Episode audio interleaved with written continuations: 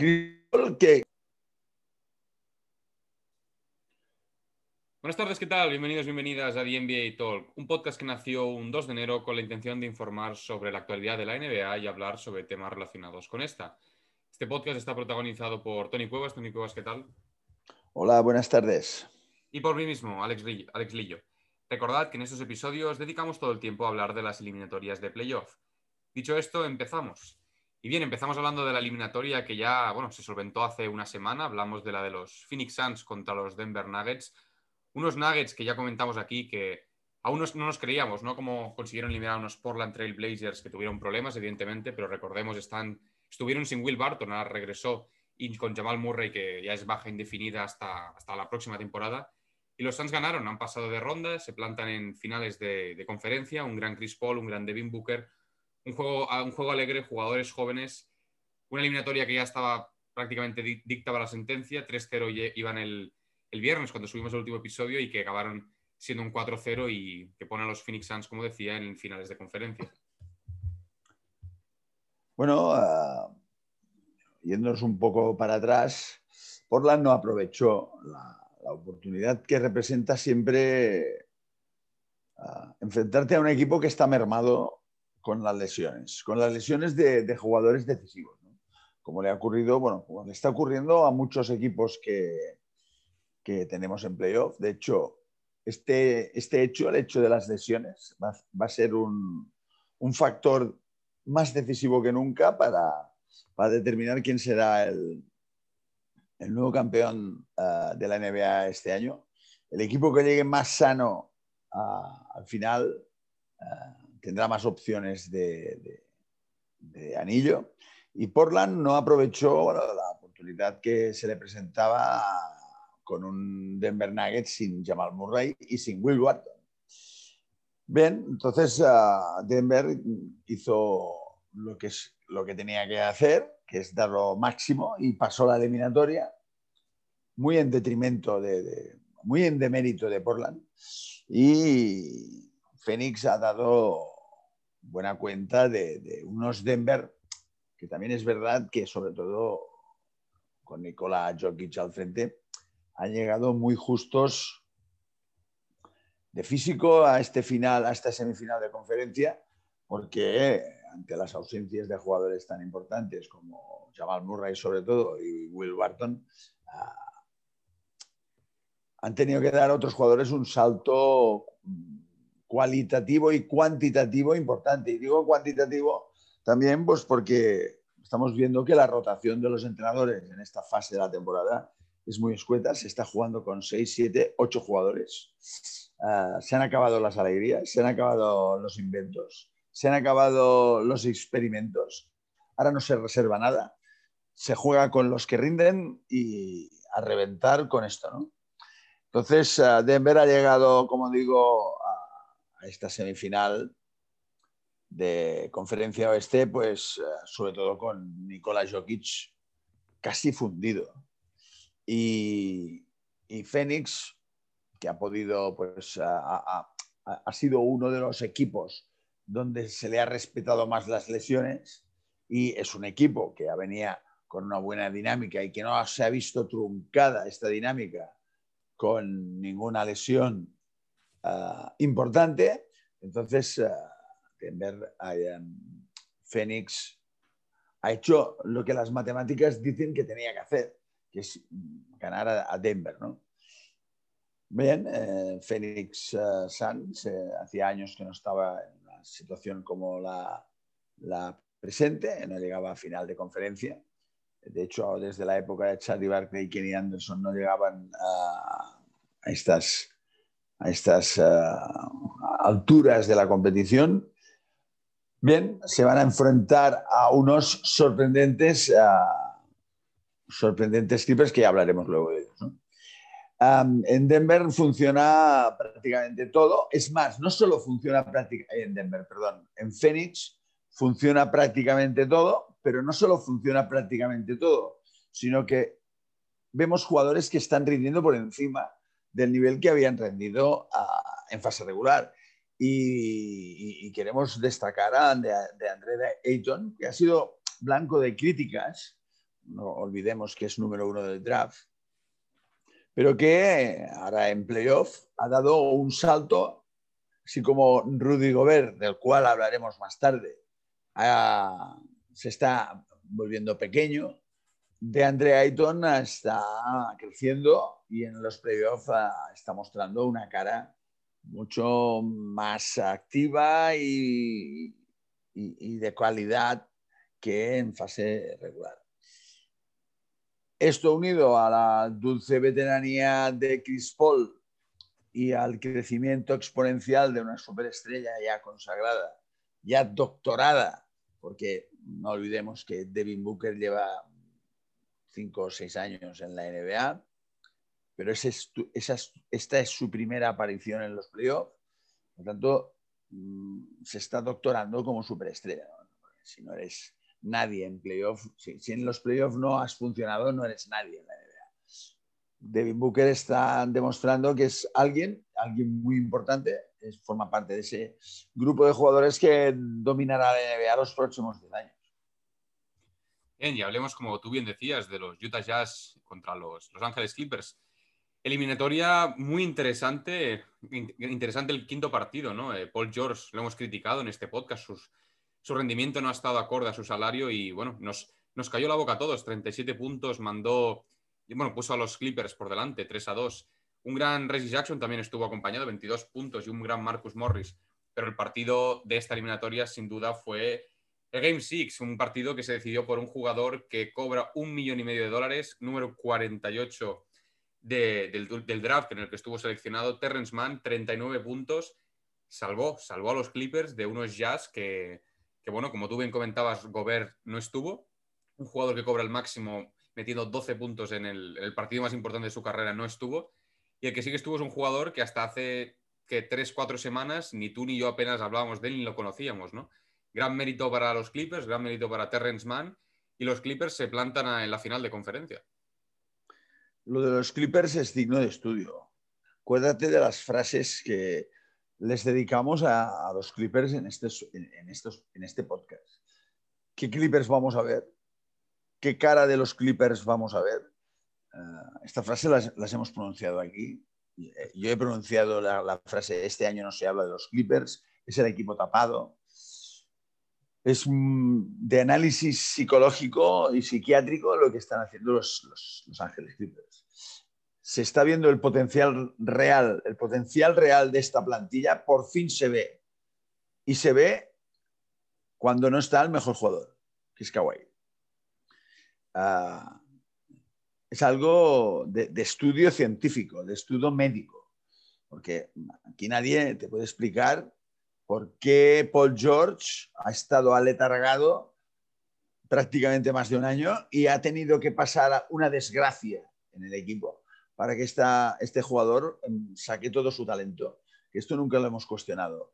Eh, aquí, más que criticar a Paul George, lo que hemos hecho es que le, le, hemos dicho que pondríamos una lupa en Paul George y la continuamos poniendo, evidentemente. Ponemos lupa a todos los jugadores que tienen salario de superestrella, como ponemos lupa a, a Rudy Gobert, evidentemente, como no puede ser de otra manera. Dijimos en, este podcast, menos mal que está grabado, que la ruina de, el lastre en el futuro inmediato de Utah se llama Rudy Gobert. Rudy Gobert no puede, eh, Utah Jazz no puede ganar un anillo si le paga más de 40 millones de dólares a Rudy Gobert. Esto, es, eh, es un, esto las televisiones no dicen nada porque deben tener prohibido hablar mal de los contratos de los jugadores, pero es una aberración que Rudy Gobert cobre eh, esta cantidad a, la vez que es, un, es un, fracaso, es, es, igual a fracaso deportivo de Utah. Es que son dos casos, Utah no le dábamos mucho crédito, pero con unos Clippers mermados y con, con Mr. Hyde, eh, Dr. Jekyll, este equipo es Dr. Jekyll, Mr. Hyde, hemos visto la mejor cara de Clippers cuando no está Kawhi. Y hemos visto la mejor cara, hemos visto un Reggie Jackson que el año pasado ya decíamos, ¿por qué no prueba a Reggie Jackson en vez de Lou Williams que no se está enterando de nada? entonces, Tyron Lue ha tardado en darse cuenta que le funciona mucho mejor el small ball con Terrence Mann que Zubac es un Rudy Gobert, pero que cobra lo que tiene que cobrar. Zubac no aporta prácticamente nada. Actualmente un, jugador grande que, que, que, que, sea blando no aporta prácticamente nada. Y Rudy Gobert es mucho más blando de lo que nos parece. Mm, ahora tengo en la, en, la cabeza un mate que hay en un palmeo que ha hecho Terence Mann delante, delante de las narices de Rudy Gobert, que mide 2.20, que, es, es, para, es para reducirle el salario solo por esa acción. Utah no ha aprovechado esta oportunidad histórica de, plantarse en final de conferencia. Ah, y sorprendentemente, cuando peor le tenían que ir las cosas a los Clippers, han salido a reducir los talentos de una plantilla que ya se sabía que tenía una buena plantilla, han empezado a salir talentos un poco inesperados, porque recordemos que Ibaka no está jugando, recordemos que Luke Kennard, que se le ha fichado a bombo y platillo, prácticamente no juega. De Marcus Cousins. Estamos hablando de rendimiento superlativo de Terence Mann, un jugador que hace dos días nadie sabía que existía. Uh, un tal Nicolás Batum, que estaba defenestrado ya para el básquet de élite y que está siendo el renacido enésimo. Un Paul George, que teníamos puesta una lupa encima de él. Y, bueno, a partir de aquí, un, un Marcus Morris, que no está haciendo nada del otro mundo, es de todos los que estamos nombrando el que se esperaba que diera un paso adelante por la ausencia de Kawhi y es el que peor números está haciendo de los que estamos nombrando lo de los Clippers es sorprendente. Continúo diciendo que son un equipo para no fiarse de ellos. O sea que ahora, con estas dos últimas victorias contra Utah, se están dando cuenta de lo que, de lo que son y de lo que pueden hacer. Si Kawhi Leonard reaparece en, breve, no tenemos ni idea. ¿Tienes algún, tú que estás más informado, Alex, ¿tienes alguna idea de cómo está eh, eh, el tema Kawhi? Sí, bien, Kawhi está fuera de, la temporada.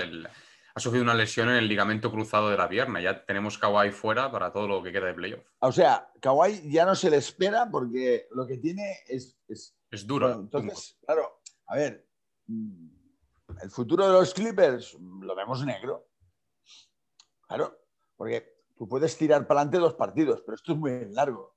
A, a Tyron Lue está moviendo a 6, 7 jugadores les va a pasar lo que le ha pasado a Denver cuando se encuentre a un equipo. Lo que pasa es que Denver eliminó a Portland como Clippers ha eliminado a Utah, porque Utah y Portland no se han entrado de la película. O sea, es, es de una gravedad extrema que tanto Portland, y estoy comparando, ¿eh? tanto Portland como Utah no hayan eliminado a sus respectivos adversarios cuando les falta Jamal Murray en Denver y Kawhi Leonard en, Clippers.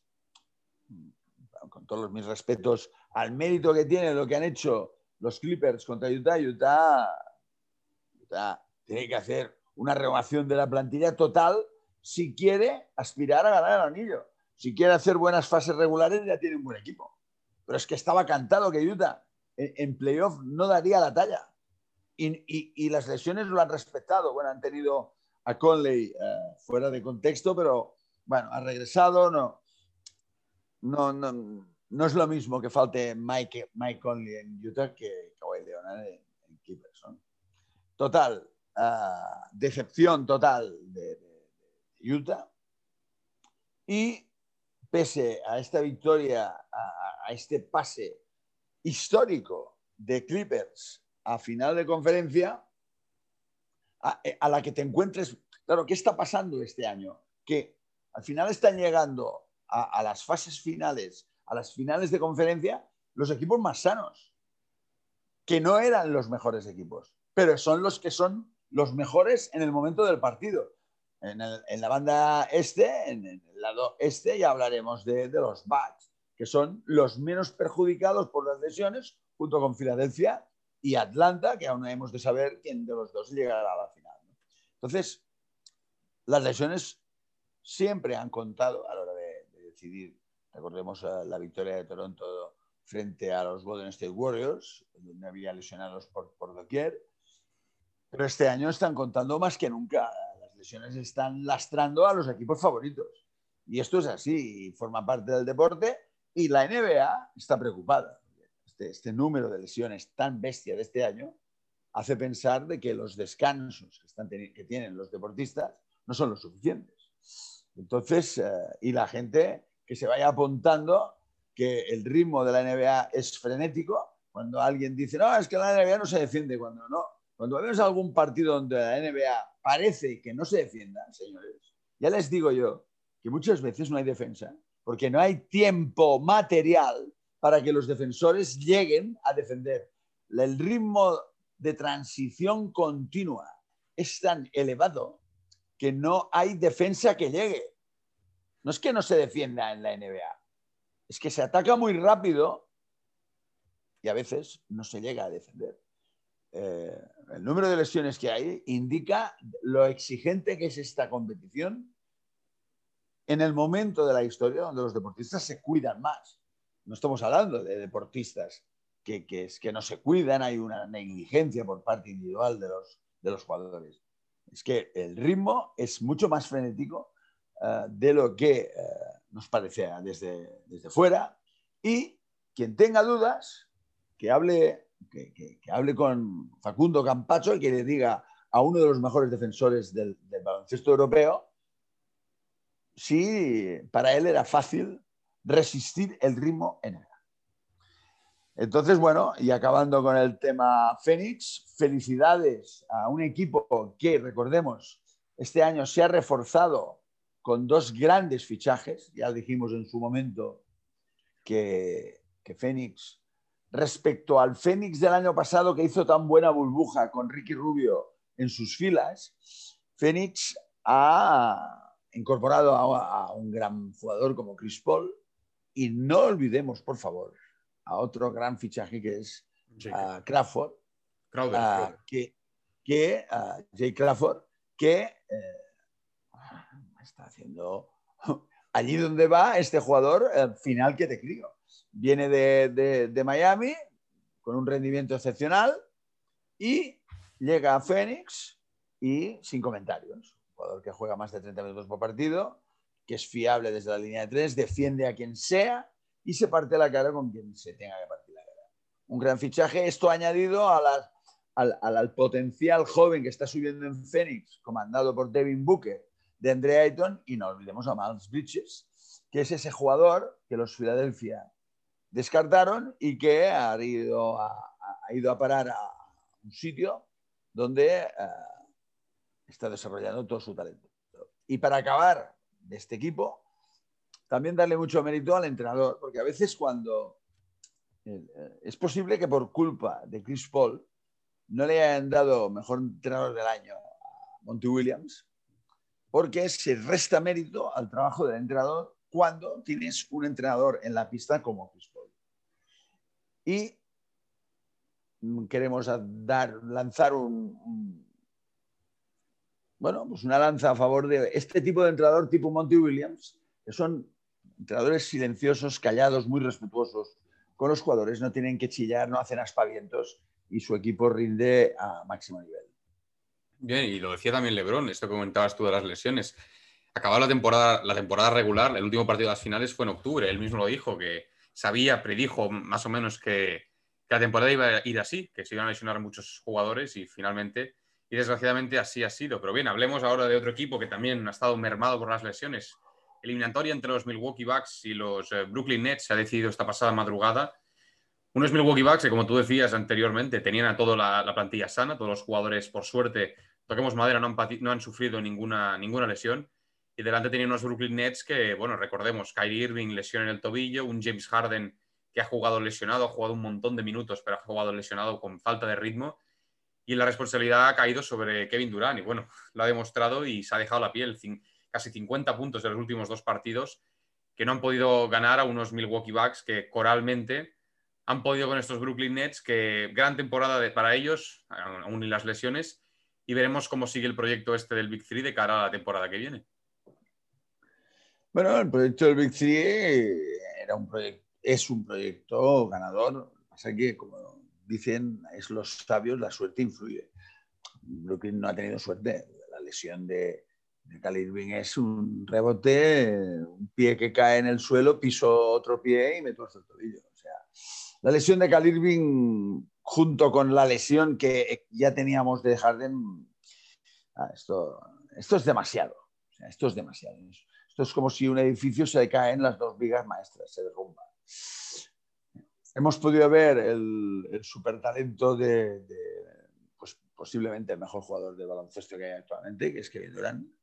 Pero esto no ha sido suficiente para unos backs que también dijimos en su momento que poníamos lupa en, Antetokounmpo. Antetokounmpo ha mejorado.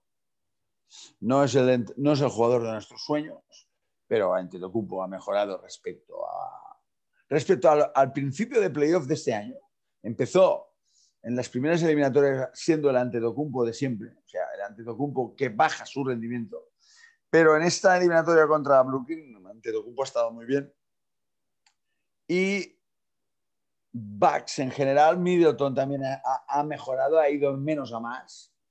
Y esto unido a que Ru Holiday aporta y que Portis aporta, de que PJ Tucker aporta, de que, y pese a la lesión que tienen de Dante Di Vincenzo, es una, es una lesión de, poca importancia porque pueden cubrir su, falta con eh, Forbes o, con Pac Conaton. Es una lesión que prácticamente se nota poco. No, no, no, diré que no se nota, pero se nota muy poco. Bueno, felicidades a los Bucks. Lo tienen bien para ganar el anillo. Se ha despejado mucho el tema para un equipo como los Bucks. han de, quedan, quedan aún dos grandes uh, peldaños, la final de conferencia y después ya veremos si pueden llegar a la final de NBA. En principio son favoritos. En principio, en estos momentos, el candidato desde, desde nuestra humilde opinión a ganar el anillo es uh, Milwaukee Bucks. Vemos que es un equipo que, que ha crecido. Uh, las grandes escuadras, los grandes equipos han quedado eliminados principalmente por lesiones.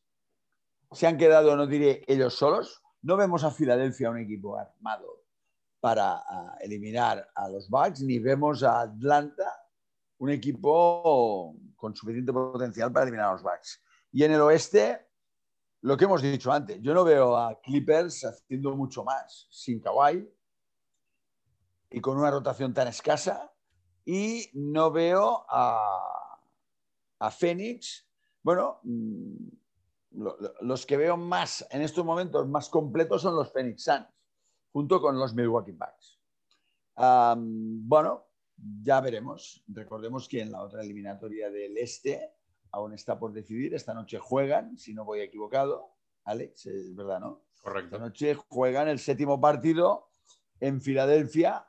Imagínate el follón, el, ambiente que habrá eh, en, Filadelfia, en la pista, en el campo más ah, psicodélico, más... Ah, auditivo más ambientado que hay de la NBA. El, partido que habrá hoy será de, de, a vida o muerte, habrá, habrá de todo entre los Hawks y, Filadelfia. Y bueno, la eliminatoria esta, como tú comentabas, ha sido un poco eh, montaña rusa el primer partido. Ganaron los Atlanta Hawks por una diferencia de... Bueno, al final el partido fue ajustado, pero todo el partido fueron ganando de 20, 25 puntos. Trey Young parecía, bueno, All-Star jugando jugando al nivel que estaba y después el partido se, ha girado eliminatorio, ¿no? Filadelfia ganó un partido, después volvió a ganar Atlanta y así ha sido un poco sucesivamente. A pesar de lo que pase en la eliminatoria, yo quiero destacar el rendimiento de, Trey Young, un jugador que, como bien decía, no, no fue seleccionado para el All-Star de este año y que aún siendo joven está demostrando unos partidos, partidos de 30, de 30 y de más de 30 puntos, eh, bueno, por encima de, de, jugadores como Ben Simmons, ¿no? Un jugador que se supone que también debe ser All-Star, que se le alaba el rendimiento defensivo 32% de acierto en tiros libres, partidos que ha acabado con 2, 4, 6 puntos. En Filadelfia pasa algo, si gana Atlanta, eh, dudo mucho que, que consigan eliminar a los Milwaukee Bucks, pero sin duda será un gran partido esta madrugada, como tú bien decías, en el Wells Fargo Center, y veremos quién, quién acaba pasando esta, esta semifinal de conferencia. Sí, fíjate que son dos equipos que, no, que aún no controlan el juego, no controlan. A los dos les ha pasado lo mismo tanto los Hawks como los Sixers, ha habido partidos que iban ganando más de 20 puntos y han acabado perdiendo. Esto les ha pasado tanto a unos como a otros. Esto es un síntoma, este es el típico síntoma de un equipo que no puede ganar el anillo, porque no controla el juego. Son equipos que anotan compulsivamente. He visto inicios de partido de Atlanta anotándolo todo y de golpe y porrazo los, los fusibles se han fundido y, de allí no sale nadie. Esto también le ha pasado a Filadelfia, ya que ha empezado partidos en plan rodillo y que ha acabado... ¿Por qué? Porque no tienen jugadores que controlen el juego. Y un equipo que tiene que ganar... ¿Qué puede pasar? Que todos los aspirantes al anillo que en estos momentos quedan sanos sean así. En una, en una carrera donde hay cuatro cojos, al final un cojo gana a, un, a, una, a, uno que no tiene, a uno que no tenga piernas, ¿vale? Pero el que gana es cojo. O no, es que ha ganado, sí, pero es cojo. Los otros también lo eran. Y aquel no tenía piernas. ¿Qué quiero decir con esto? Milwaukee, hay Milwaukee, uh, Atlanta y Filadelfia no son equipos con plantillas para ganar el anillo. En principio vemos a Milwaukee mmm, un equipo más serio, más sólido. Pero también es el punto débil de Milwaukee. Milwaukee gana los partidos cuando revienta el ritmo y va a saco.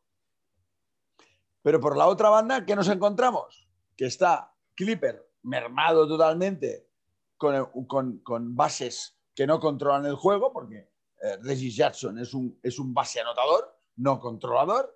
Y en la banda de Phoenix es donde vemos al equipo con, más control del juego. Si está un, un Chris Paul en buen estado.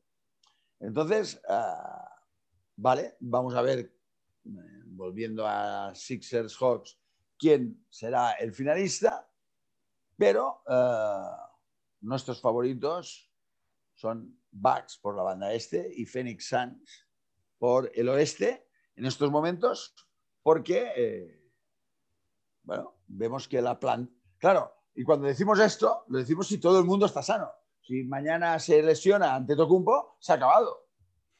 Y si Chris Paul finalmente no sé qué, no sé cuántos, se ha acabado. O sea, claro, eh, al ritmo que vamos, hacer previsiones, predicciones, es, es, ya, ya, poníamos nosotros, ya, Alex, acuérdate, que siempre que hacemos predicciones pongo la coletilla. Si no se lesiona, si no...